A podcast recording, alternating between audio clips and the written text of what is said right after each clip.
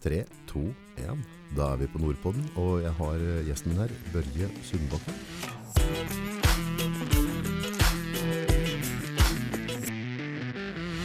Velkommen. Tusen takk. Vi møttes for sånn 10-11 år siden. Det stemmer. Når jeg flytta til Hamar. Ja. Ja. Da møttes vi på et gym til alle ting. Vi Ja. var unge og spreke begge to. I hvert fall uh, kjennes det er lenge siden for min del. Ja, det blir samme her. Men da lærte jeg meg å kjenne deg litt. Eh, men jeg har jo sett at veldig mange sier at jeg ikke kjenner. Ja. Uh, men du er jo en kunstner. Maler, ja. blant annet. Blant annet. Du er, du er glad i å skape ting. Ja. Ja. Så ja, veldig blant annet nå om dagen, men jeg har jo vært på en måte det nesten så lenge jeg kan huske, da, sånn fra ungdomsåra. Eh, men så har jeg på en måte alltid også hatt to veldig sånn sterke sider, i form av at alltid også på en måte følt at det er smart å jobbe og, og ha liksom litt sånn sikkerhet eh, rundt det. Eh, så jeg har på en måte alltid vært veldig kunstnerisk og veldig rasjonell samtidig. Ja. litt sånn schizofren, faktisk. Sånn veldig sterke polariteter på de to tinga. Ja, det er veldig sjelden å få litt fra begge der. Ofte så bare går det én retning. Ja. Men du er jo en, du er en likende eh, kar, da. Det er jo et eller annet ved deg. Så Det er, veldig alltid koselig å møte deg, alltid koselig Ja. å prate med deg. Ja, det er det. Altså. Ja. Så det var, tenkte jeg ikke at det er meg, men deg, tenkte jeg. Når jeg begynte å trene der, så, så, så, så slo det meg at du hadde liksom den hyggeligste auraen av alle disse her eh, svære folka som gikk der, da, for å si det pent. Så Du var jo litt svær du òg, men liksom sånn, sånn light-utgave. da. Så, men du var liksom hyggelig, hyggelig aura, da. Ja, da, Så lett å komme overens med. Og så har vi liksom møttes litt sånn av og til og prates litt sånn. eh. Men så skjønner jeg liksom, du har jo tatt noen utrolige retninger i siste tida, da. Så det var utrolig fascinerende å få være litt del av det og prate litt. og Kjempespennende. ja, det, er, det er det spennende liv vi har. Ja, det er det, altså. Skikkelig. Men hvis vi går litt fra barndommen Så langt? Ja, ja, ja altså, vi, vi, får, vi får skumme litt. Ja. jeg, jeg, jeg vil vite alt. Ja. Hvor vokste du opp, og hvem var du som, eh, som Ja, poik? trodde ikke jeg skulle gå helt dit, men uh, nei, jeg er født og oppvokst uh, på Vestli, på Stovner, i Groruddalen i Oslo. Så, eh, så det var jo litt sånn spesielt sted på 70-tallet, da. Eh, Jeg må si det. Så, så, og moren og faren min det ble skilt når jeg var ganske ung, så, så det var jo på en måte et stort, spesielt opplegg som har prega hele livet mitt. da. Eh, og de har ikke hatt noen sånn særlig god relasjon eller samarbeid heller, så, så jeg er liksom oppvokst på en måte på østkanten med, som skilsmissebarn og høy konflikt og, og eh, ja, sånn masse problemer, vil jeg si, da, på den måten. Eh, ikke at det er noe synd på meg, men i hvert fall det var liksom mitt sta startsted i livet. da, så og så har det vært veldig veldig mange opplevelser derfra og ut, da, men jeg hadde jo eh, forholdsvis sånn vanlig oppvekst eh, i Oslo på 70-tallet. Men, men jeg har ikke noen sånn særlig gode minner av det. For meg så er Oslo, pga. alt det der, bare litt sånn Alltid syntes det var deilig å komme ut av Oslo. Føler meg ikke sånn veldig knytta til det. Jeg har vært veldig knytta til besteforeldrene mine på Hedmarken. Så, eh, så der har jeg på en måte hatt et sterkt bånd, da, eh, siden familien min var litt som den var. Så, så jeg, føler, jeg har alltid sånn sett følt meg som en hedmarking, eh, med røtter til Kongsvinger. Så der har jeg alltid på en måte følt meg hjemme, egentlig. da. Mm. så når jeg er litt seinere i livet havna på Hamar, da, så, så, så var det litt sånn Det var ikke noe sånn stort eh, eh, å liksom flytte fra Oslo eller noe sånt, for da hadde jeg bodd så lenge i utlandet at jeg følte jeg liksom ville hjem, da. Og kom hjem, og det kunne like gjerne være hvor som helst i Norge, egentlig. Eh, ikke noe sånn spesielt flytte til Oslo for meg, det var ikke aktuelt, egentlig. Og så, og så har jeg flytta til Hamar, og det det har blitt mitt hjem, da. Jeg føler meg veldig hjemme på Hamar. Og har blitt hjem, en hamarsing, føler jeg egentlig. Vært der i den 10-11 år, da. Fint hjem, Hamar. Ja, Ja. veldig, veldig Det går an å, å vokse og trifte og ha familie der. Ja, ja, ja. Så øh, absolutt. Det er en kjempe, kjempekoselig by. Og, men jeg, sånn, jeg har uh, fått bra forbindelse til Brumunddal nå. Jeg har mye venner her gjennom Amcar-miljøet og bekjente og sånn. Så, så jeg syns Brum, Brumunddal også i hvert fall begynner å bli en veldig mye kult som skjer i Brumunddal. Og det, det har det jo vært i Hamar òg siste årene særlig. Så har det forandra seg veldig siden jeg flytta hit. Og, og nå skjer det også i Brumunddal, føler jeg. Stilig. Veldig veldig artig å følge med på alt som skjer. Og, mm. Tilbake til ungdommen. Når Ja. er det du begynte å, å, finne ut at du hadde talent for å, å skape ting? Hva Eh, var det som skjedde? jeg, jeg var nok ganske tidlig jeg er glad i å tegne og følte, alltid følt meg veldig veldig kreativ. At jeg har hatt uh, enorm kreativitet, da, sånn på grensen til det problematiske. Uh, at det liksom veldig lett for meg å pøse ut med endeløs kreativitet.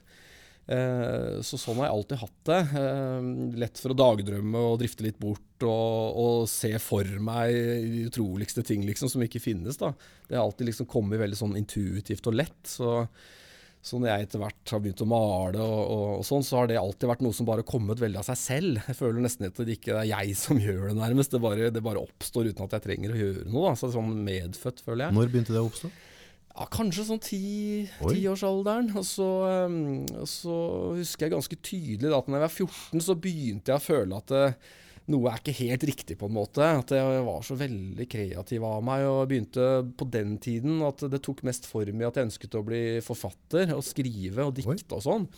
Så det var det jeg på en måte hadde mest sporing på først. Um, og var veldig mye på Deichman i Oslo, husker jeg. Og fikk et sånt mål at jeg skal lese alle disse her eh, diktsamlingene som står på dette biblioteket her. da. Det var jo fire-fem skikkelig sånne doble, svære hyller. og det ja, Da husker jeg ikke om jeg klarte det eller ikke, men jeg hadde i hvert fall mål om å klare det. Men jeg tror ikke jeg klarte det. Men i hvert fall, jeg var helt sykt hekta på, på, på dikting, husker jeg. Og skrev masse diktsamlinger som jeg prøvde å få ut. Sånn der voldsomt, liksom. Kjørte på skikkelig? Bare kjørte på skikkelig. vet du, Overflod. Og uh, det var kjempegøy, og jeg følte meg jo så flink. Men jeg, jeg fikk jo aldri antatt noe av dette. det er ikke sikkert det var så bra hvis jeg hadde sett på det nå i ettertid. da. Men jeg husker det at uh, jeg synes jeg husker det var særlig to norske diktere. Det var Nils Ytteri og, uh, og Øystein Wingård Wolff de var helt fantastiske, husker jeg. Og, uh, og, så var det sånn den gangen, nå veit jeg ikke om det fins ennå, men sånn på slutten av 80-tallet i Oslo, så, så, var det veldig mye som skjedde rundt Galleri Håken, noe som heter Valapyk i Oslo. Okay. Hvor alle på en måte nærmest uh, alt sånne, som var av kunstnerisk, litt sånn som Kunstnernes hus også har vært i tidvis, men dette var liksom enda mer underground. da. Kunstnernes eget sted, liksom, der det virkelig levde. og der... Uh, der bodde jo han Øystein Wingård Wolff. Så husker jeg første gangen jeg var der, så, så satt jo han der og bodde der og var der, og det var jo helt fantastisk ikke sant, å møte han. Fikk du prate med ham? Ja, jeg prata med han, og det var jo en helt utrolig opplevelse. ikke sant? Jeg var bare kanskje 16-17 år eller noe sånt. ikke sant? Og, og der var jo også Pushwagner, ikke sant? så møtte han også liksom veldig tidlig. Men da var jo han da var jo han en uteligger, ikke sant. En, en, person som ingen hadde hørt om eller visste hvem var. Bare en helt håpløs fyr som, ja, som bodde på loftet der nærmest for ikke fryse i hjel på gata. da. Uh, og, og um, jeg har jo fått møtt han en del seinere også, som vi sikkert kan fortelle mer om etterpå. Men det var liksom første gangen jeg møtte han. Og, og, så jeg hadde jo hørt om han seinere, når han begynte å ta av for han. da. Uh, men den gangen så var jo han helt ukjent på en måte, og helt håpløs, da. Så, så Han var fart inn? ja, ikke sant. Det var, det var skikkelig greier. Men uh, men, eh, så, så, det er det første sånn, som ga veldig sånn kunstnerisk ansporing, husker jeg. Hvordan ga det inntrykket da? Altså, du er i 17-årsalderen. Ja. Eh, du, altså, du, var ikke helt optimal forhold med skilsmisse og greia der. Så du var jo på en måte Vi er veldig mottakelige for påvirkning. da. Ja, ja, og så kommer du snubler rett i fanget på så er kara der. Det var helt utrolig. Sånn, jeg husker litt sånn samme gangen, første gangen man uh, møtte en kunstner som hadde et atelier og kjente den, eh, den terpentinlukta. Ja. da kjente man bare, bare sånn det kjemisk forandra i hjernen, nærmest. og Litt sånn som det var å møte disse gutta her også den gangen. da, At det gjorde veldig veldig stort inntrykk. Og man fikk jo veldig lyst til å på en måte klare å bli en kunstner eller en forfatter og, og sånn. da. Eh, men så har jeg også hatt en litt sånn eh, litt sånn trøblete oppvekst på én måte, liksom. Jeg har hatt mye kjenner igjen litt av det du som har sagt om din egen oppvekst, liksom. At det har vært eh, det var litt sånn harde bud. Vokste opp på østkanten på den gangen, i Oslo. Og, og, jeg ble også litt sånn tøff og hard, og mye kampsport og festing. Og jeg ble litt sånn fæling, liksom, da, samtidig som jeg hadde det kunstneriske og, og kreative. Og så har jeg også hatt en sånt litt sånn skoleflinkt bein, liksom. Så jeg har hatt liksom veldig mange litt sånn Mange hatter? Mange hatter, og mange, mye polaritet i livet, føler jeg. Så jeg er en som liksom klarte å være veldig god på skolen. Jeg husker jeg ønsket å bli flyger også, husker jeg, i, i Forsvaret. Uh, det var liksom, Skulle bli forfatter eller jagerflyger, husker jeg var de store drømmene ja. den gangen. da. Og da måtte man jo ha perfekt hørsel og være god på skolen, så jeg husker jeg gikk med ørepropper på konserter og, og, og trente veldig hardt. da, Både festa hardt og trente hardt samtidig. og, og uh, så jeg har jo på en måte gode minner sånn sett fra oppveksten, liksom. Men det var egentlig sånn Fikk du en krasjstart å også lære at livet er ikke en dans på roser? At, eh, at det skal litt til for ja, å, komme gjennom? Ja, den, den, fikk jeg egentlig ikke der, men jeg har fått det noen ganger seinere, sånn kunstnerisk. At, eh, at, eh, man kjenner det at det virkelig butter, og, og, det blir ikke sånn man har tenkt i livet og sånn. Så jeg har nok hatt noen sånne øyeblikk òg, men, men, sånn i ungdommen så har jeg nok følt meg litt sånn uovervinnelig og grenseløs, liksom. Og, og uh, husker fra den tiden så gikk det veldig mye trening, egentlig. Jakt, trening, uh, festing i helgene med kamerater og, og uh, trene kampsport og skyting. Jeg var mye på skytebanen. Bestefaren min var jo elgjeger. Så det er noe som jeg er sånn utrolig takknemlig for. Den liksom oppvekstdelen fra kanskje 15-16-17 år da, med bestefar. skyting, jakting, fisking. Sånn på Finnskogen. Skikkelig guttegutt? Ja, skikkelig. liksom. Det er, eh, det er gode minner. Jeg, jeg syns det er litt sånn synd Og sånn tror jeg det har vært litt oppi dala her også. Det derre gamle miljøet som er borte nå, nærmest. Sånn det litt harde miljøet med hjemmebrent og snus og jakting og disse gamle gubba som jakter elg. og det er liksom blitt en helt ny tid, men jeg er så glad for at, eh, at jeg fikk oppleve det. Liksom En av de siste generasjonene som fikk oppleve den etterkrigsmanndommen før de har blitt for gamle, liksom når de holdt på sånn som de gjorde. Og nå har jo Norge blitt noe helt annet enn det var den gangen, men jeg er egentlig ganske sånn Det gamle kan Bau, hør jeg tar til, gutt. Ja, det, var liksom, det var liksom litt sånn der, Og er, eh, det, er, det, er, faktisk takknemlig for å ha opplevd også. Uh, det er litt deilig òg. Ja. Altså, altså, kontraster er jo vakkert, da. Ja, det er det. Ja. Skikkelig kontraster. Sånn, det var jo litt sånn lovløse tilstander på Finnskogen den gangen, og det tror jeg det har vært rundt på Bygde-Norge. ikke sant? Ja, kanskje ennå, men sånn var det litt på Bygde-Norge. og og jeg er veldig veldig glad for jeg har sett det. Det har gjort meg sånn stand til å møte alle typer folk, føler jeg. Det er sånn Jeg trives godt. Ja, nærmest sammen uteliggere, og, og, og, jeg trives liksom godt med alle, føler jeg. Det er ganske, Blir trygg på deg sjøl? Ja, kanskje det er det der, jeg vet ikke. Men man, jeg har alltid liksom syntes det har vært kurant å møte alle typer folk. Jeg har følt at det gir verdi i seg sjøl, og alle har et spennende perspektiv, og det kan være voldsomme historier. og og, så jeg har nok liksom en sånn uh, Det har jeg i hvert fall med meg, føler jeg. Uh, Flott. Ja, Mm. Det er jo som jeg sier alltid, altså et, uh, et, fint bilde må jo ha noen kontraster. Mm. Ellers så blir det veldig flatt og veldig kjedelig. Ja, det er sant. Altså. Og, og, sånn skal òg et liv være, tenker jeg. da. Ja. Eller altså, Hvert sitt liv og hvert sine ønsker. Men for meg så jeg er veldig glad i de kontrastene som ja. jeg har fått lov til å oppleve. Og setter veldig pris på at jeg har fått de kontrastene. For jeg føler at det er en veldig stor bit av hvem jeg kan være for døtrene mine nå i dag, og, og for vennene mine. At jeg kanskje har fått en, en ekstra, ekstra, nyanse der. Jeg har i hvert fall tenkt på det ofte i kunsten, at der er den kontrasten veldig gyldig. Men jeg er sånn veldig enig når du sier det. at Det er ikke så mye forskjell på det å male et bilde eller lage en business eller andre ting man måtte gjøre, lage en familie, hva som helst. Det er, det er liksom harmoni og kontrast. da, Det er hemmelighetene i, i hvert fall kunsten. Mm. Uh, så, og det gjør jo livet spennende òg. Eh, man tenker på det, liksom, alt man har vært igjennom i livet, og, og, man angrer jo på en måte ingenting. Vi vil jo liksom at det skal være som det er, men ting har vært så kontrastfullt hele veien, og så mye polariteter. da. Det er sånn rart, for det, det, er visse ting jeg vet ganske med sikkerhet nå i dag, at jeg ikke ville gjort opp igjen. Hmm. Så det, det, føler jeg meg veldig trygg på. Det er mange ting jeg ikke orker å ta en gang til. Men jeg angrer fortsatt ikke. Nei, det Selv om jeg, jeg, skulle sikkert ha gjort det, men, men ja. Sånn var det. Ja, det er helt enig. Det var uh, I den situasjonen du sto der og da, og åssen du opplevde eller tenkte på den tida, så, mm. så handla han på den måten. Ja, på godt og vondt med alt man har opplevd, så ville jeg ikke at det skulle vært annerledes. Altså. Så, uh, nei, altså, jeg er ikke sånn, jeg gleder meg aldri til å dra til Oslo. Nå via den nye jobben litt seinere i livet, så er det sånn, nå må jeg forholdsvis ofte til Oslo. Men det var sånn første halvåret med det, så var det nesten sånn posttraumatisk stress for meg å kjenne lukta på T-banen og, ja. og sånt. Så så det var liksom absolutt noe problematisk der i fortiden, kjente jeg. jeg så, ja. Men jeg har, eh, jeg har, ikke tenkt på det helt som kontrast og kunst. Nei. Nei, altså jeg synes jo altså Oslo, når jeg er i Oslo eh, Det blir jo på en måte For meg som kommer fra Brumunddal, så er Oslo veldig, det blir litt urbant. Ja. Hvis man kan bruke det ordet. Men det som jeg syns er liksom alltid fascinerende når jeg kjører Oslo, jeg kan kjøre forbi høyblokker eller et eller annet, så vet jeg hvert av de vindene der så sitter det et menneske mm. som har drømmer, mål og ønsker på samme måte som meg. Så kanskje noen som er lei seg, noen som er glad, kanskje er noen som skal ha jobbintervju og sitte og syke seg opp til det. Det er, altså, det er, det er, så, det er så mye personligheter og mennesker Mm. stappa i en blokk. Mm. Og jeg klarer liksom ikke å, å, å vri huet mitt rundt det. Nei. For det, hvert liv der inne er jo akkurat like dramatisk for dem som mitt liv er Ja, for meg. Ja, kul tanke, det. altså. Det er litt sprøtt. Ja, det er det. Så Jeg så nesten for meg disse Pushwagner-blokkene når du prata om det. liksom. Det er liksom endeløst med blokker med mennesker i hvert vindu. Det er, det er helt sykt. Ja, ja nei, det er uh, Kjører nedover langs A6, så er det jo, sitter de der i blokkene. Ja. Ja. Kan, drømmer, om, eh, drømmer om noe. Satt der jeg òg, kanskje, i sin tid. Ja.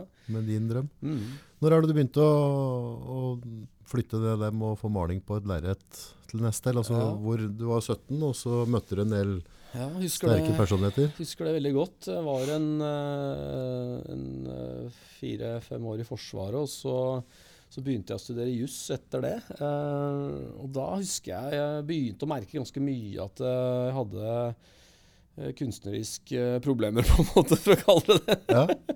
For der satt man jo i den rasjonelle verden tolv timer da, og skulle lære seg dette her. Og så, men jeg måtte jo stadig ut og spille litt gitar eller tegne litt og gå hjem og male. Og, og eh, så kjøpte jeg meg stadig mer malesaker og ble kjent med en eh, som heter Sverre Bjertnæs, som eh, var en veldig, veldig talentfull fyr. Eh, han er jo det ennå. Han er jo en av Norges beste malere, vil jeg si nå. Eh, så han eh, tok meg litt under vingene sine. da, Lærte meg litt materialteknikk og lærte meg å male sånn på den liksom, realistiske måten. Og lære å bygge lerreter sjøl og ordentlig sånn håndverk da, eh, fra den gamle skolen. Så, så da fikk jeg liksom en mulighet der for å drive litt sånn parallelt både med jusstudiene og, og det kunstneriske. da. Men Da må jeg gå to skritt tilbake. Eh, Fire-fem år i Forsvaret. Nå snakker vi kontraster igjen. Hva drev du med der, da? Ja, Altså, Ja, det er kontraster, maler driver driver ikke Forsvaret, gjør du? Nei, nei, nei. nei.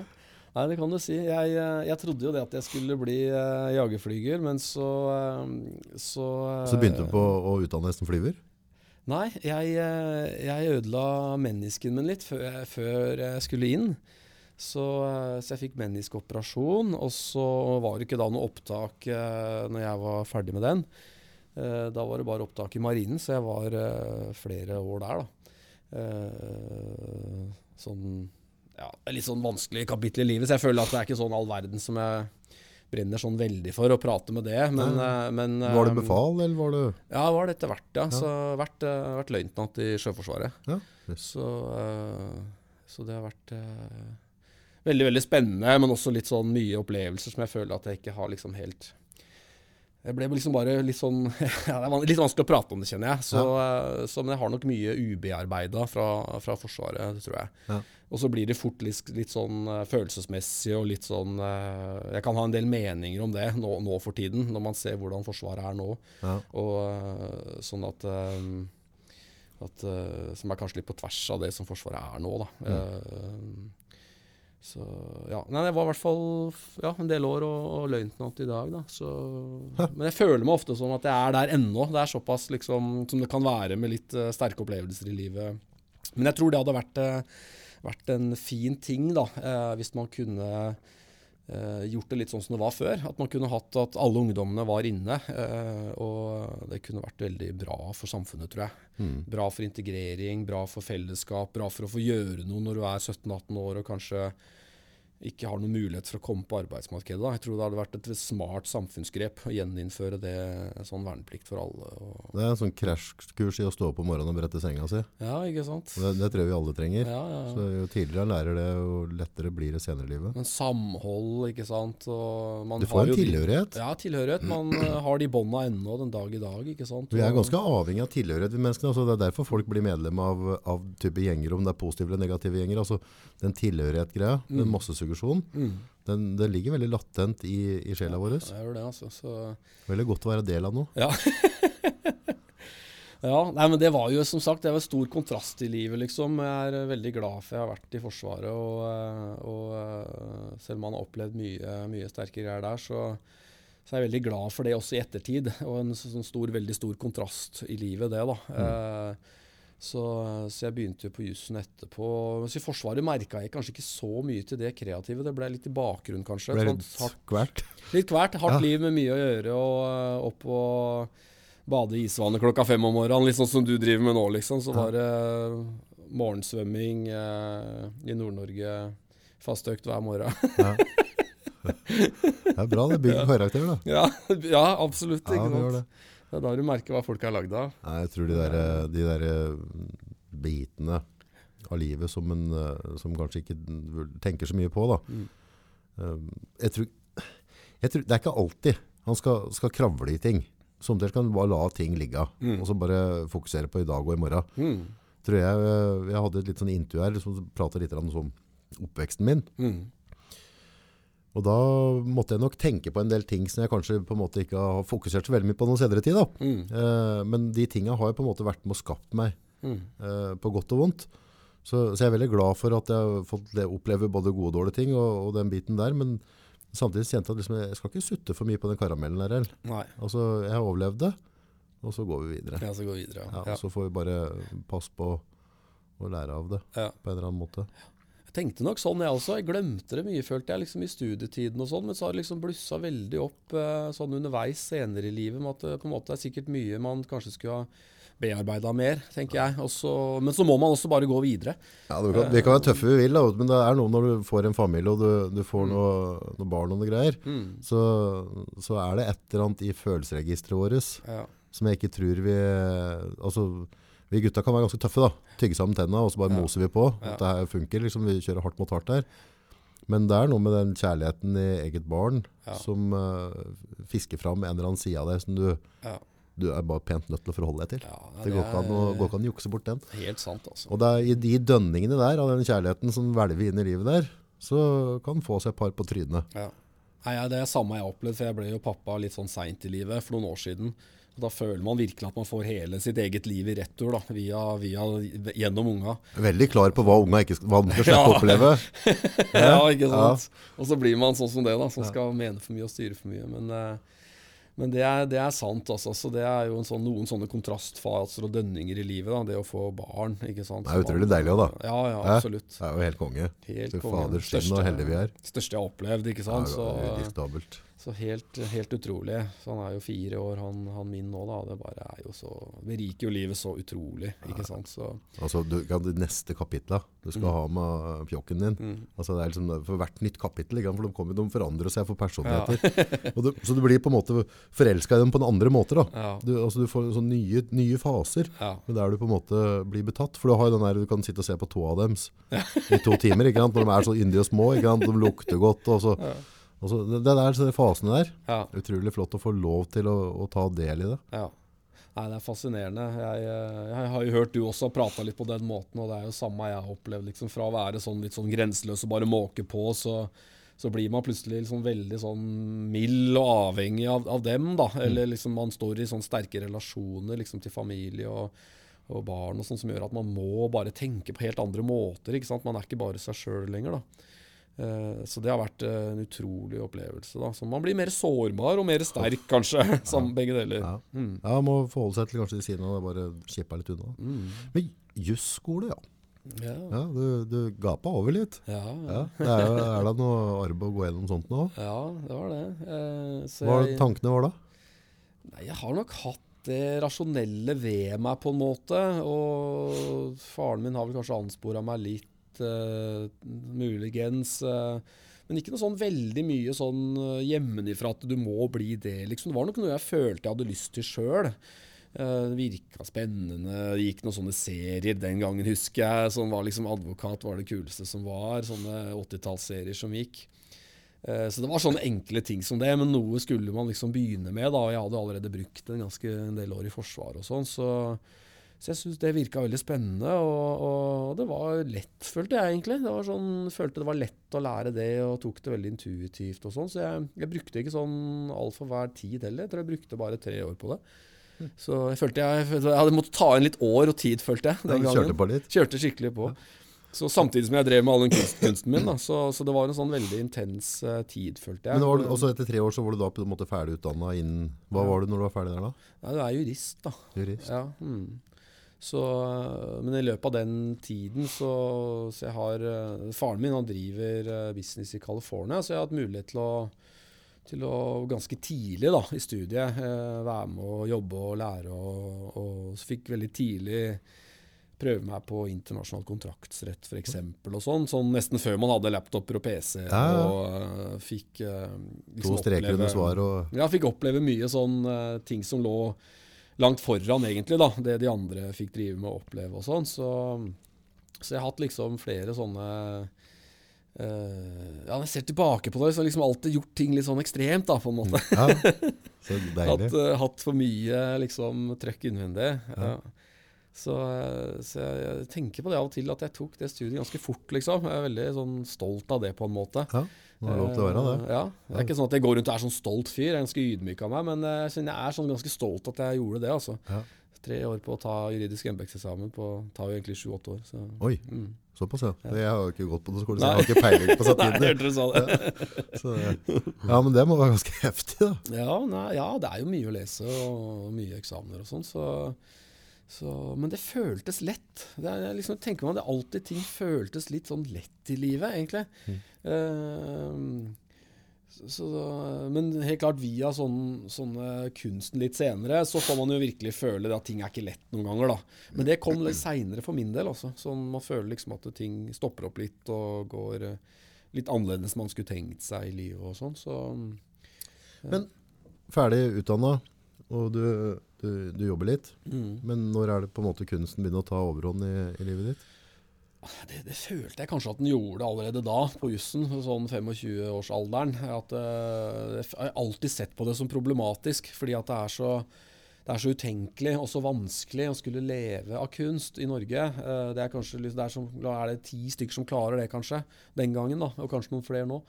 Så alltid, jeg har alltid sett på det som problem. En problem, Noe som liksom har ødelagt mulighetene i min livet. Er det sånn jeg har sett på det? det er sånn I min kontrastverden. og at det har vært eh, liksom følt meg litt sånn forbannet. da, En forbannelse som har liksom måtte liksom ha det ved meg, istedenfor bare å kunne ha et litt sånn vanlig, greit liv og kjøre på som de andre gutta og begynne å jobbe som vanlige advokater og liksom ha det A4-livet. da.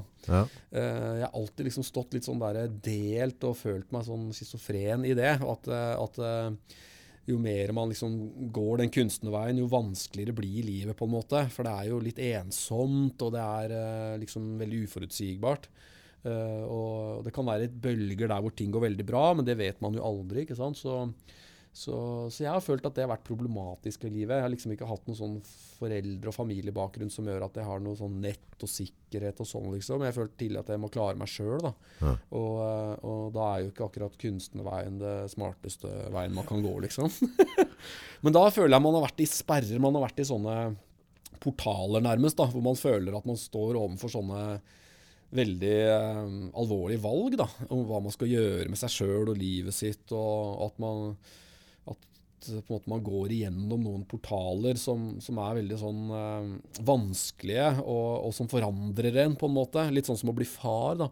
Så liksom Det at man liksom tør eventuelt å bli kunstner og sånn, kan være at man liksom går gjennom en sånn portal som, som føles veldig forandrende og veldig skummel, på en måte. Eh, det er jo ikke noe sånn selvfølge at det går bra med meg eller andre, eller for hvem som helst. Som, men samtidig så liker jeg å være en sånn fyr som, liksom, som inspirerer folk til å, til å forfølge sine drømmer og sånn, samtidig som som jeg tror også det er lurt å være litt sånn fornuftig. Jeg tror, tror uh, sjøl jeg alltid følt at det er smart å, å jobbe litt også. Uh, for da, da står man litt friere på en merkelig måte. Hvis man bare skal være sånn fri kunstner, så ender man gjerne opp veldig fattig og, og masse problemer. Og det, kanskje man ikke bryr seg om det. Eh, men hvis man da ønsker å leve litt bedre som kunstner, så, og det tror jeg gjelder de fleste kunstnere, så må man være litt kommersiell. Man må tvinge seg sjøl til å tenke litt kommersielt, og da er man jo ikke lenger fri. Nei, så da kan man jo like gjerne bare jobbe fem timer for å ha det man trenger, og så kan man gjøre den kunsten helt fri.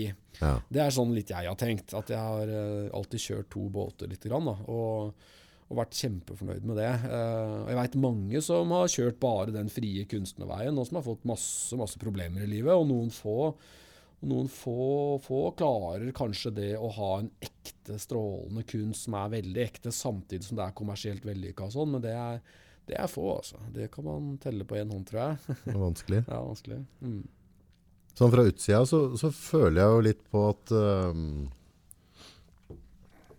at du har vært ganske dyktig på å ta de vanskelige valgene. Gjøre det litt vanskelig for deg sjøl. Presse deg litt sjøl. Ja. At du kanskje ikke har bare alltid gått den letteste vei, og ikke bare altså, ja.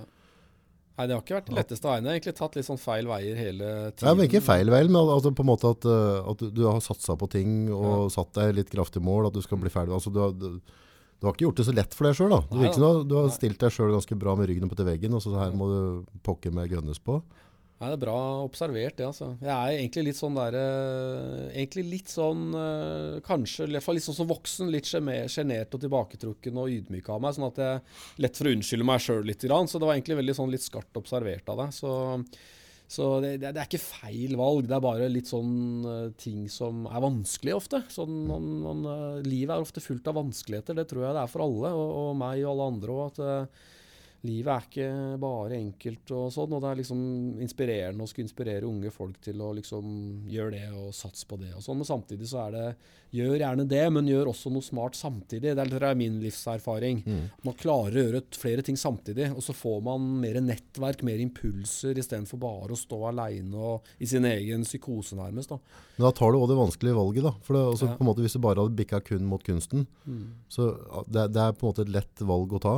Altså, ja, er, da, da, kan du gå og surre og være din egen verden og så bare drive. Det kan være sovepute av det. Ja, ja, så. Så, men, men, samtidig, så på en måte hvis du tukter deg da til å, å gjøre det litt eh, A4 ved siden av, eller altså, mm. det, det, safe, så får, du må jo gjøre dobbelt så mye, da.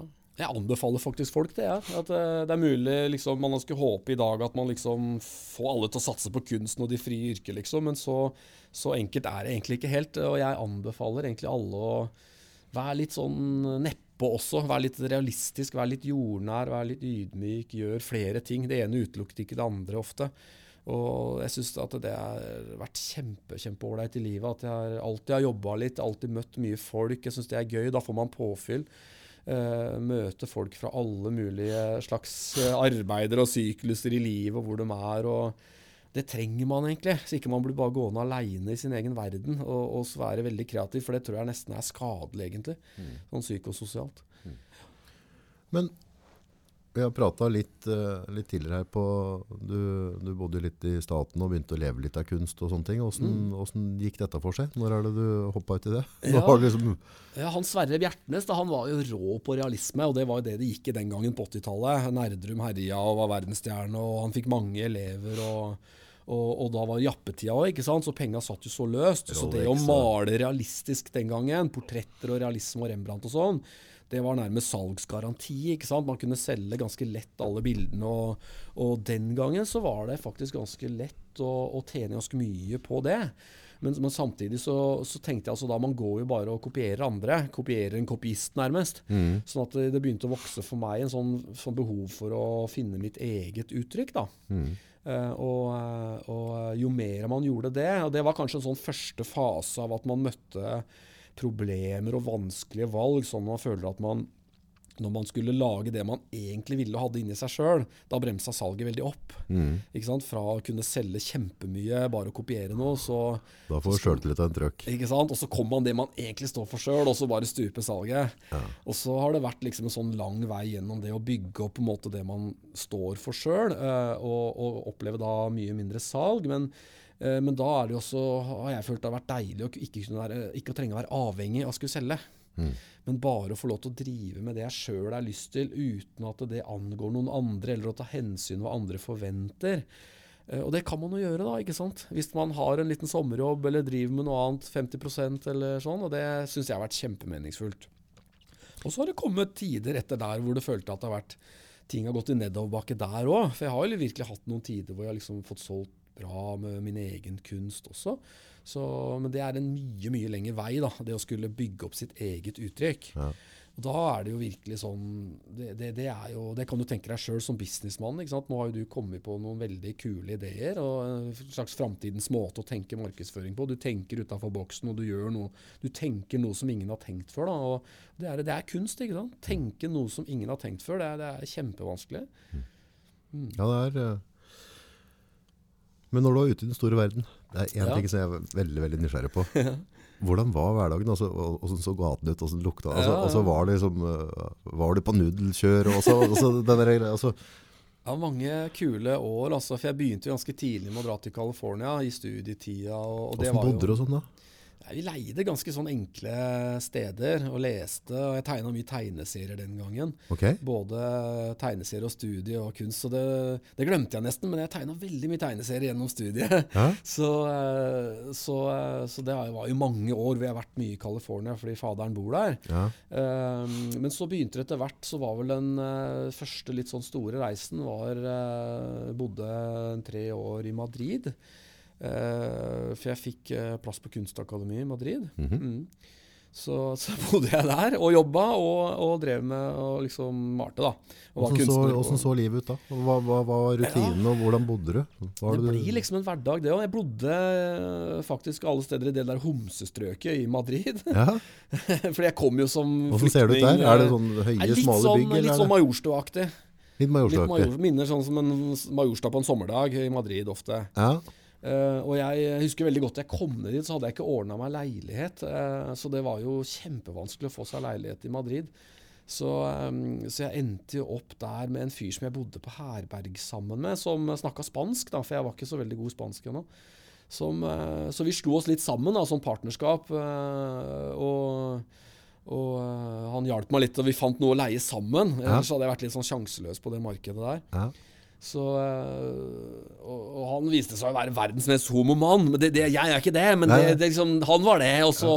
Og så, så Jeg vet ikke om det er derfor han klarte å skaffe noe leilighet der. Men han, han var en kul fyr. liksom Han studerte um, bedriftsøkonomi og ordna opp, og jeg var liksom for første gang litt mer kunstner på heltid, på en måte. Ja, for da var du kunstner? Da kunne man tillate seg å gå på universitet og være kunstner bare og lære og liksom Var det en følelse? Og, ja, kult det. Det er et kapittel som Jeg er kunstner. Ja, jeg går på, ja, ja, ja, ja, sånn, det skjer ting her. Og jeg begynte å bli ganske sånn i 30-åra, kanskje. Jeg husker ikke helt lenger, men på den tida. da, og litt sånn eldre enn de andre, sånn som jeg var på juss nå. I og med at jeg hadde den starten i Forsvaret, så, så var jeg liksom tre-fire år eldre enn de andre ja. som jeg da havna sammen med i studier seinere. Og så etter det så, så åpna faderen eh, kontor i Brasil, eh, så jeg var en del involvert i det som, som jurist. da. Nei, han driver eh, et, et, svært firma som renser forskjellige former for avløpsproblematikk. Oh, ja. Så hvis myndigheter pålegger industri for eksempel, da, at de ikke får lov til å slippe så mye plastikk og kloakk ut i Mjøsa, f.eks., ja, ja. så, så, må de gjøre noe med det. Og da lager de systemer som Så han har hatt en del smarte ideer med å bygge opp det i konteinere, sånn at du får ja. sånne shippingcontainere som er lette å frakte, da, hvor du kan koble, seriekoble sånne. Så kan du f.eks. rense vann fra sykehus, borerigger, flyplasser. Portabelt renseanlegg? Portabel renseanlegg i stor size. Ja. Så dette blir jo solgt egentlig ja, over hele verden, egentlig. Det har vært en kjempesmart greie. Eh, og mye med Forsvaret også, som bruker dette da, når, de, eh, når, de, eh, bygger opp ting igjen. Sånn midlertidige stasjoner og sånn. Så, mm. Ja, Da begynte han konto. Hvor sa du det var? I Brasil. Brasil. Så vi begynte produksjon i Brasil. Så det gjorde at uh, plutselig jeg tenkte at det var kult å skulle dra til Brasil, jeg også. Så, så vi var der og jobba i noen år, da. Og og da var jeg også litt sånn kunstner på heltid samme, samtidig som jeg var involvert i det. da. Hva, hva jobba du med da utenom kunsten? Altså, hva, det var bare kontrakter og selskapsrett og hjelpe til å få dette på, på plass. Da, English og hele greia? Ja, jeg lærte meg jo spansk da, i Madrid. Ja? Okay. så, så, men når jeg kom til uh, Brasil, så um, så tenkte jeg at portugisisk var eh, kanskje veldig lett å lære. Men det, det, var det ikke. Det var ikke så nærme som man skulle tro. Det var sånn som norsk og tysk, kanskje. Ja. Så en spanjol må, må, gå på kurs litt for å lære portugisisk. Så etter hvert så, så, ble det mest portugisisk, for det var et mye kulere språk, syns jeg. Mm. Og Brasil mye kulere enn Spania. Så ja. det var liksom eh, veldig gøy å være der. Og det var sånn stor opplevelse. Sånn en av de som forandrer livet litt. For Brasil er så voldsomt. På hvilken måte da? Jeg har aldri ja, vært der. Nei, det ikke det, nei. Eh, Spania er jo Europa, ikke sant? og Brasil ja. det er bare jungel, overflod av frodighet, kreativitet, uberegnelighet. Det er veldig kontraster. ikke sant? Det er så urettferdig. Liksom De folka som er endeløst rike, bor ved siden av de som er endeløst fattige. Sånn, det er bare maks kontrast hele veien, da, på godt og vondt, i naturen, i forurensninga. Blir du kjørt hjel på gata der? Det er ikke noe fortau, det er ikke noe sånn liksom, Folka går langs gaten på motorveien. Blir du kjørt der, så blir du liggende der, liksom. Du bare ser folk ligge daue i gaten, og, og bikkjene spiser søppel fra hushjørnene, og der står jo altså, det, er sånn, det er så voldsomme inntrykk, da. Samtidig som det er så vakkert, på en måte. Så frodig, så, så friskt. Så fullt av ja. Og der surra du rundt med en pensel og et glass vin? Ja, tre år holdt jeg på å male der. Og da hadde jeg litt utstillinger hjemme òg, så jeg sendte ut malte der og sendte bildene hjem. Hadde utstillinger og Inspirerte det landet deg på en annen måte Ja, i maleriet ditt? Ja, virkelig. Da forandra det seg skikkelig for meg. Liksom. Da hadde jeg vært i en fase i en sju-åtte års tid hvor jeg liksom strei litt i grenselandet mellom det gamle figurative skolen som jeg liksom fikk på meg. da. Og så prøvde jeg å lage mitt eget, hvor det ble litt mer sånn eventyraktig. Sånn, eh, sånn på veien til at det ble liksom helt fritt der jeg er i dag. Og da, Det var det Brasil som gjorde det. Så, så det liksom frigjorde meg helt sånn kunstnerisk. eh, Det virkelig liksom løsna for meg. da. Eh, At det blei helt fritt. og... Men når du, når du maler ditt eget, på en måte, og det er veldig fritt, da Mm. Nå kan jeg forferdelig lite om maling, men jeg har prøvd litt sånn akrylgreier. Ja, jeg har sett det. Det var faktisk ganske kult. Ja, det var da en greie. Men, Ja. men ved et eller annet tidspunkt der, så følte jeg vel kanskje at det nesten var litt ubehagelig. For det, når du driver med dette der, da, så kommer du liksom inn i en eller annen side av deg sjøl du kanskje ikke har forholdt deg til. Altså, på en jeg skjønner at andre ikke skjønner det, men på en eller annen måte så følte jeg at du utleverer et eller annet som var jævlig personlig. Man blir, Sjøl om man, var klatter. ja, man, blir, man må gå veldig dypt, altså. Sånn å finne seg sjøl, og, og liksom akseptere seg sjøl, ikke minst. Det har vært en sånn stor fase, både som du får i Forsvaret, og også som kunstner. på en måte. Du må bare komme gjennom det å skulle være vellykka eller en suksess, liksom. For meg så handler det mer om det man må man må bare finne seg sjøl og akseptere at man er en slags failure. Og bare ifra det der, være i bånn nederst i grøfta sørpa, bare derfra kan man egentlig klare å bygge opp noe ekte, da, sånn jeg tenker. Eh, hvis du ikke kommer gjennom det, så vil du alltid liksom bare være på en slags overflate. Skumme bare toppen. Skumme bare. Ja. Så, og det det syns jeg er veldig viktig, men det er også kjempevanskelig. ikke sant? Erkjenne seg sjøl som kanskje svak og mislykka. Det er ikke alle som overlever det. Nei, nei, nei. Det er mange som lar seg bukke da. Ja, helt klart. Det er kjempevanskelig å komme gjennom. Man skal være ganske tjukk i panna for å, for å gå gjennom sånne perioder. Ja, nei, det er kjempevanskelig, men jeg føler også det er sånn enorm styrke i det. Eh, men det er noen sånne tunge perioder i livet, liksom, som man står aleine gjennom. da. Og, eh, og ja. Men i hvert fall det, det forandra meg veldig å være i Brasil. altså Bare å møte det folket, liksom. Så herlige folk, altså. Så, så frie. Så jeg vil si liksom sånn middels, middelslivet i Brasil minner mye om den levestandarden vi har her. Men så er det jo også det er så mye mer folk. ikke sant? Det er veldig mye fattigdom, men det er også mye Selv om de er fattige, liksom, så den danser og drikker og bruker Det er så, De er så levende, liksom. Det er så rått. Trøkk. Det er så trøkk, og det er så kontraster. Og kunsten der er helt fantastisk, liksom. Man, man tenker liksom at eh, de store stjernene i vår vestlige kunst er, eh, er f.eks. Basquiat og sånn, eller den frie, kule stilen. Men det er liksom ingenting altså, i forhold til den der store, frodige brasilianske kunsten. Er det mer engasjement der? Ja, det er så mye engasjement, og det er så mye følelser, og det er så mye ekte inspirasjon, altså. Så- Engasjement? Det det er liksom, jeg tror det er kanskje noe av det mer sexy jeg ser etter et menneske. engasjement. Ja, altså Hvis du ser noe ordentlig passion ja. ja, Det har ikke noe å si om, altså, om du strikker. Nei. Men, bare, Men Brasil er litt sånn. Go all the way. Ja, så det er bare tøft. Brasil er litt sånn. Jeg syns det er en av de kuleste landene jeg vet om. Jeg har vært veldig mye, reist veldig mye rundt, men det er så kult land, altså. Så, så det er sånn land som jeg liksom føler meg knytta til og har lyst til å være igjen. Nå har jeg, liksom, jeg har reist mye og blitt litt sånn hjemmekjær og lei av å reise, men det anbefaler alle å dra til Brasil. Altså, det er et helt fantastisk land. Ja. Så alt er ferskt, liksom alt er eh, rått og hensynsløst og rått, bare. Kult. Ja. Det må være perfekt for en kunstner å, å få Ja. dette inn i blodet. Ja, Altså. det vil jeg si.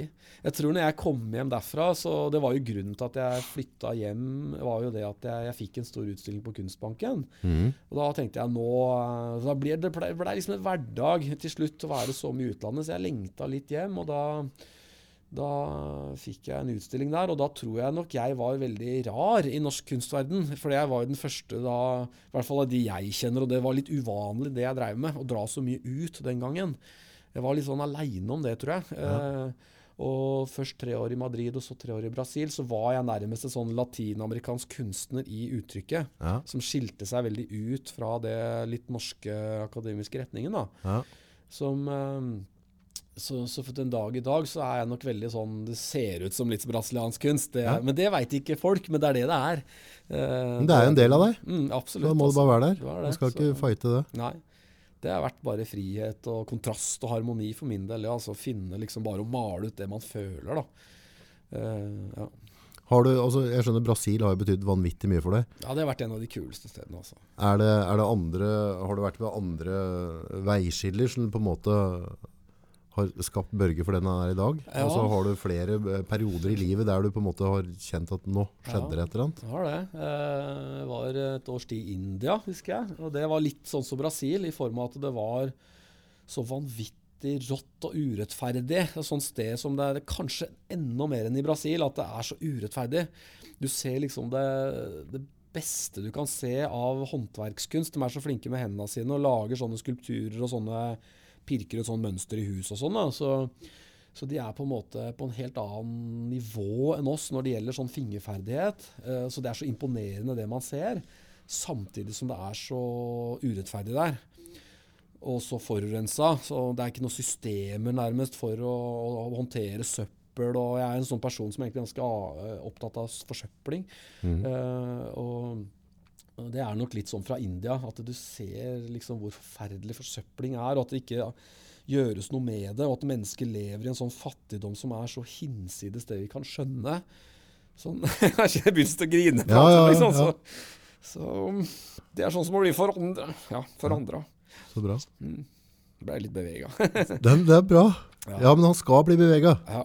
ja. Jeg husker jeg landa nede i Mumbai der, og det så ut som hele flyplassen var bomba ut, liksom. Og der står det sånne, sånne, tribuner av fattige folk som tigger og skriker, og så må du kjøre gjennom slummen der da, når du skal ut derfra. og da, da ligger det liksom Det er bare jordgulv og rotter og hunder som kryper over 30 unger som bor på et leiregulv, og det er bare forferdelig, liksom. Så så det er så voldsomt, dette, samtidig som det er liksom den flotteste arkitekturen ved siden av, og folk som har hundrevis av millioner. ikke sant? Så. Jeg føler seg litt maktesløs òg, for egentlig altså, det jeg kjenner av deg, da, så, så, er du en person som, som har nestekjærlighet. Ja. Men også når det blir så enormt, ja. så skjønner han at han får ikke han, han når ikke til. Det, det, vi, vi, vi, har ikke mulighet til å, til å gå inn og, og forandre for alle. Så å bare kjøre forbi det, det er ganske, altså det gjør ting med en. Ja, absolutt. Altså, man blir veldig forandra. Det er sånn som jeg føler mye på. Jeg føler meg liksom blitt såpass gammel nå at man ser en slags historisk linje. da, Hvordan samfunnet har utvikla seg nærmest fra krigen til 80-tallet til nå. Og samfunnet er jo nå noe helt annet enn det var den gangen. Og vi tar det så veldig for gitt. da. Vi har så liksom nye generasjoner nå som tar ting så veldig for gitt. Og, og det er sånn eh, Ja. Det er kanskje bare jeg som begynner å bli for gammel. men, eh, men, jeg syns vi burde tenke mer på hva, hva, dette samfunnet som vi har her i Norge eh, At det, er, det kommer ikke av seg sjøl, og det, det, det, må vi passe på. Og, ja. Mm. ja. for vi lever i luksusen. Ja, vi gjør det. Vi lever på toppen av mailisten. Ja, og så er, er, vi så flinke å, å um, sutre og klage i Norge på altså, Vi føler at vi har så Noen ganger så tror jeg vi nesten skulle vært liksom sånn som førerkort. At, at, folk skulle reist seg en runde og sett ja. hva andre har å stri med. Ja, jeg tenker det òg noen ganger. At, uh, at, det hadde vært veldig fin folkeopplysning å gjort det og sett og opplevd det, den ytterste nød, liksom. Så. Ja, for Det styggeste av det stygge er ganske stygt. uh, og, og, det, det, gjør noe med deg å, få, mm. å, å ta del i noe sånt, eller også være en rundt dette der.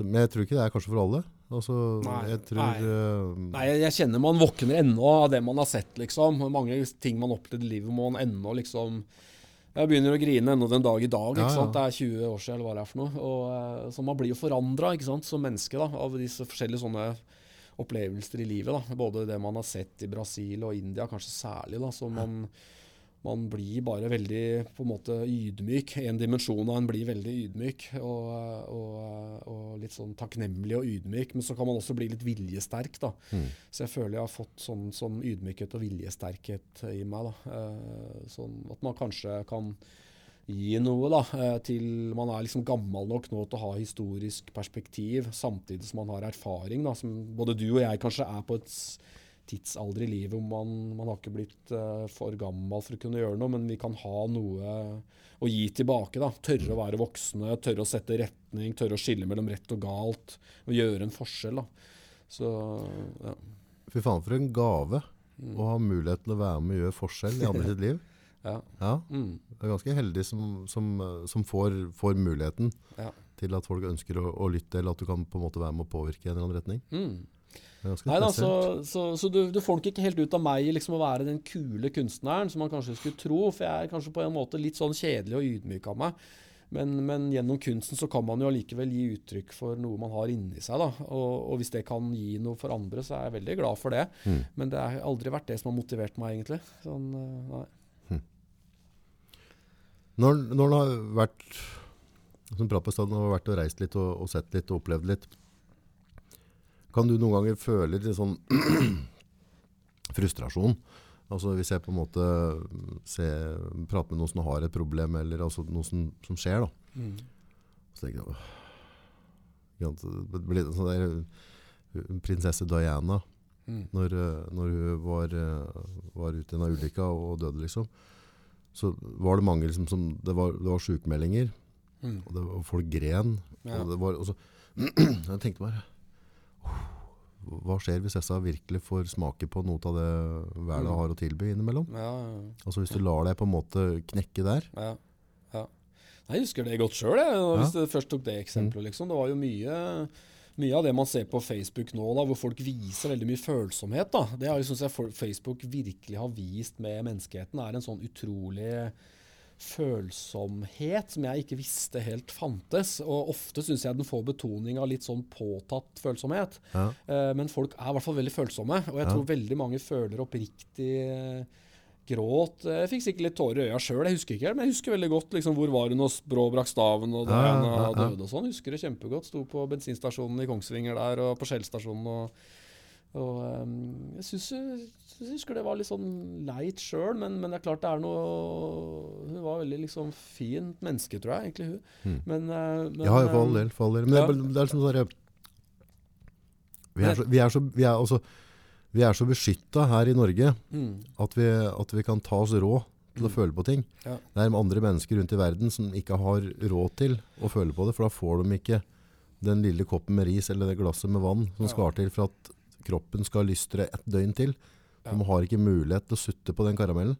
Har du hørt tid. den nye sangen til Black Debatt, eller? Nei. Følelsesmessig inkontinens. Den er jo litt der, vet du. Ja.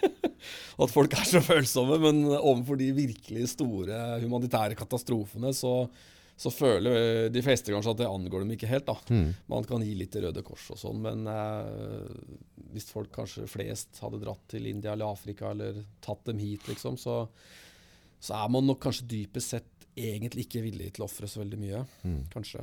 Og at vi alle er litt feige. Jeg er kanskje ikke det sjøl heller. Sånn, Nei, man må velge sine kamper òg. mm, ja. Man Så- ønsker, ønsker man Jeg er Jeg er sånn ikke der- sikker på om det er ja, at man egentlig ønsker å gjøre virkelig den store Ofre alt for det. Nei, altså, vi- vi- hvis du skal offre alt sånn, så er du på en måte visjonær, og det er ikke for alle. Noen, noen kan på en måte gi helt avkall på, Mm. på eget liv, og jeg har veldig stor respekt for dem som, som velger å gjøre det. Mm. Eh, jeg har en familie sjøl som jeg ønsker å, å, å være til, så, Mm. så jeg, jeg prøver å bidra på min måte med dem som er rundt meg og den biten der. Ja. Men uh, jeg kommer ikke, i hvert fall ikke i det kapitlet her nå, til å være med i, sammen med Legen uten grenser og Nei, gå som sykepleier der. Nei. Jeg er ikke der nå. Nei. Og da, da føler jeg litt på det liksom at uh, For all del er det veldig bra å gi penger til Røde Kors og sånne ting. Mm. Men det er liksom er, kjø, Kjøper jeg meg bare god samvittighet? Ja. Er det det som skjer her? Ikke sant. Ikke sant? så egentlig... Enten bare hold kjeft og dra ned til altså hvis, det, Ja. hvis det betyr så jævlig mye for meg, da, så gjør noe, da. ja, Ikke sitt her og liksom kjøpe meg fri for en tusenlapp. ja. Den- den blir for- det er tynn suppe, altså. Og jeg har jo hatt de rundene litt, men man får jo faktisk ikke gjort noe. Eh, Nei, ikke hvis ikke du er villig til å ofre livet ditt. Nei, ofre livet ditt, eller på en måte bygge opp noen virkelig store strategier. Og, men det er klart at det kreves, som du sier, noen virkelig helter og gründere og visjonærer. Og, og jeg følte kanskje at jeg, hvis man liksom er litt vemodig, da, at man kommer litt til kort i livet i forhold til de store, viktige tingene. Så jeg har veldig sånn miljøengasjement ennå, føler jeg, som blir vår lille som sier nå er man her og nå, man har sin egen familie, og det er det som kanskje den største forpliktelse er nå, da. Ta vare på familien sin og sånn. Men jeg kjenner det blusser veldig opp i meg, dette her med at eh, Mjøsa begynner å bli litt forplasta igjen, forplass, forpesta igjen. Og, og all liksom, plastikkforsøplinga og sånn. Det kjenner jeg det tenner litt i gnistene igjen. I ja, men Der kan du jo på en måte velge å sette av en, en, en andel, prosentandel av døgnet mm. til å gjøre noe med det. For det, det er mm. lokalt, du kan gjøre det, og så kan du fortsatt mm. beholde familien. Ikke sant? på en måte. Men, men, det å gå balls to the walls og, bli, og så bare peise til utlandet og si nå, nå skal jeg gjøre mitt, ikke sant? Man kan tenke det at Internett også skaper en sånn global bevissthet som gjør at det finnes noen sånne overalt i hele verden nå. ikke sant? Alle er på nett, alle har kunnskap på fingerspissene. sånn at det, fins nok entusiaster overalt, tenker jeg, som nå ryddes det strender for plastikk. Alle føler det. Det er veldig i tiden, da. Veldig mye hverdagshelter. Ja, det er det. Nettet har klart å skape en slags sånn global kollektiv bevissthet som er helt unik. og så har jo den plastikken dratt fram, og det er jo sant. ikke sant? Verdenshavet og verden flyter jo av plastikk snart. Det er ikke riktig. ikke sant? Er, vi kan ikke bare holde på med det. Så, så kan vi være hverdagsheltene her, da. Mm. Eh, ja, det begynner med å gjøre det en kan gjøre. da. Mm. Altså, det hjelper ikke med en veldig stor visjon, en plan og en tanke hvis en ikke tar altså, Man får ta de små og begynne å nøste i garnnøstet. Ja, ja. Og jeg tror mange her lokalt nå begynner å se det sjøl. Eh, at uh, dette er ikke riktig, vi må mm. gjøre noe. Så begynner mange fine folk å samles og tenke og gjøre noe. og da, da kommer vi til å få den plastikken ut av Mjøsa. Men det er bare ikke akseptabelt, liksom. Nei. Jeg lar meg stadig vekk imponere av sånne hverdagshelter. Ja. Om det er eh, damer eller menn som står i pølsebua på, lokale, ja. på fotballaget og ofrer vanvittig mye tid. da. Jeg er veldig sånn skylapper. Så begynner jeg med et eller annet, så er det det. Det er null hensyn, holdt jeg på å si. Da, da, da går det toget.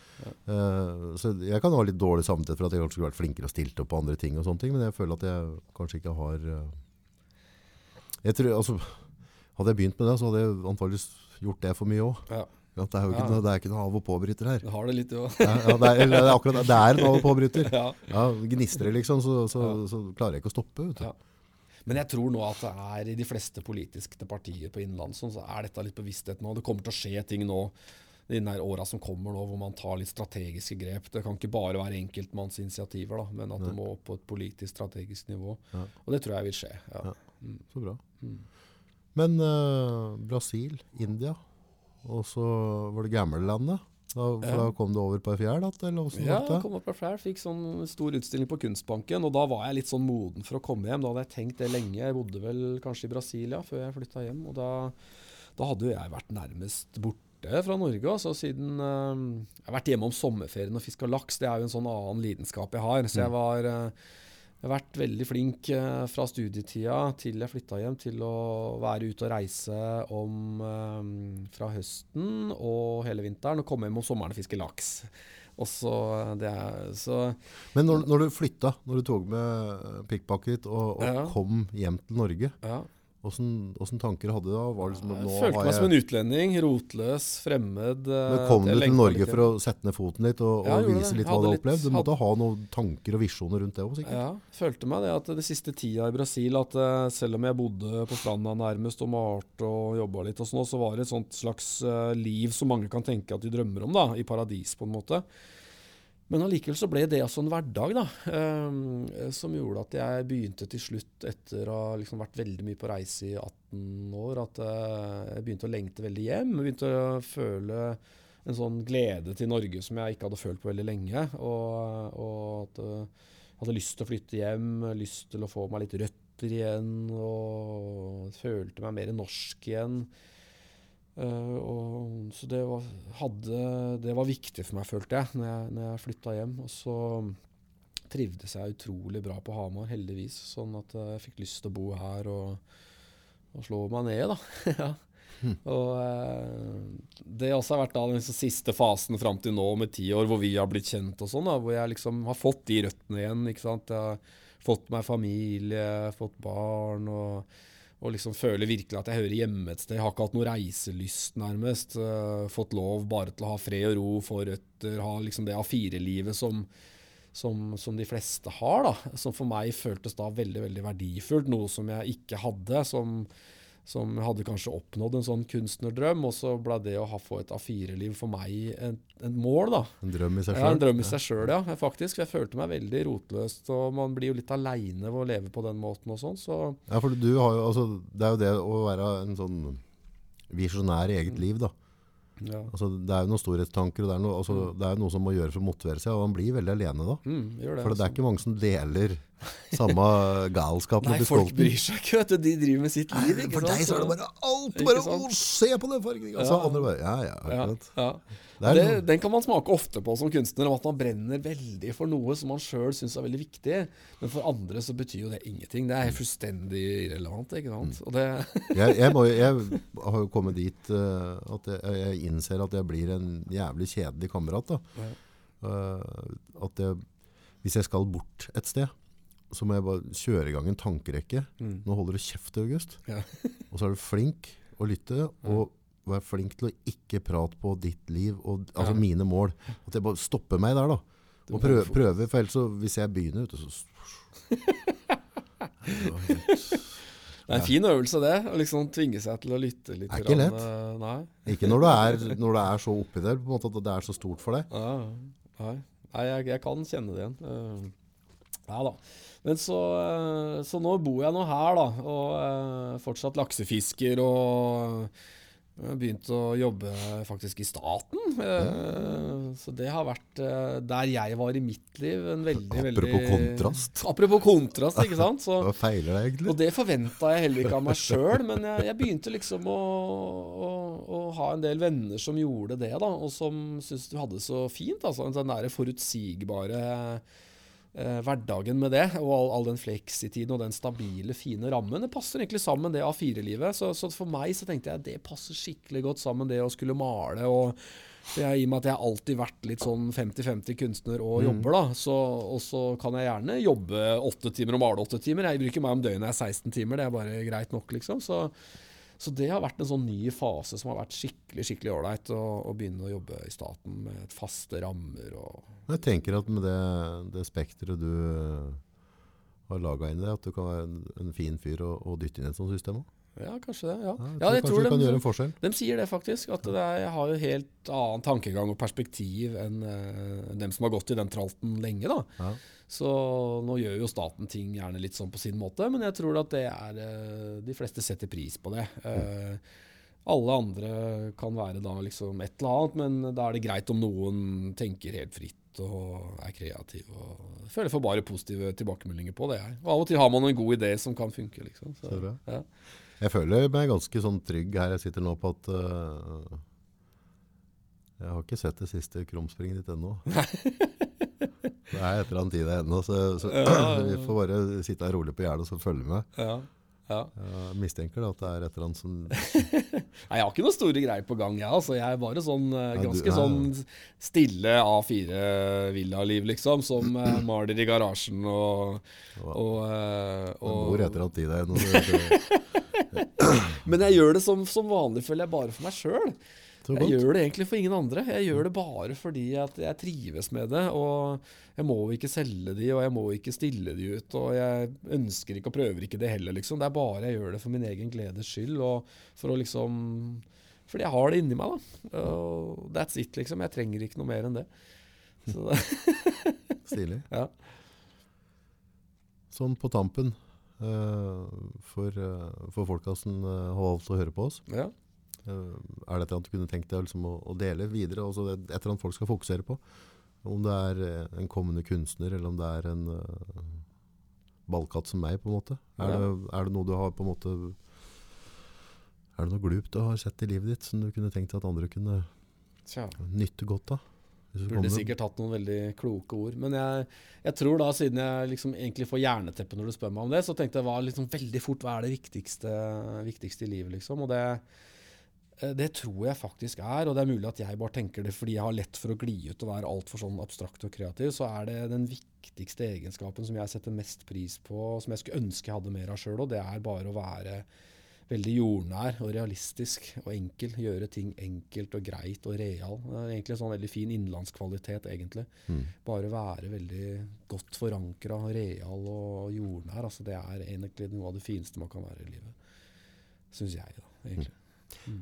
Jeg har jo hatt en sånn uh, Han får en sånn naturlig respekt for deg. Eh, det, er, det er også et eller annet eh, ved deg som gjør at du er veldig, du er veldig lett å respektere. Mm. Men jeg respekterer deg ikke noe mindre nå, for å si det sånn. Det er en veldig flott fyr. Ja. Ja. ja, men det er du også. Så det har vært fascinerende å merke nye sider ved deg også. Så Så da har vi jo nye ti år med en ny reise på et Ja. nytt sted for begge to. Ja, vi er bare så vidt starta. ja, ikke sant? Det blir gøy. Det blir gøy. Ja. Takk Takk for at du tok deg tid. I like måte. Takk for at jeg fikk komme. Ha det.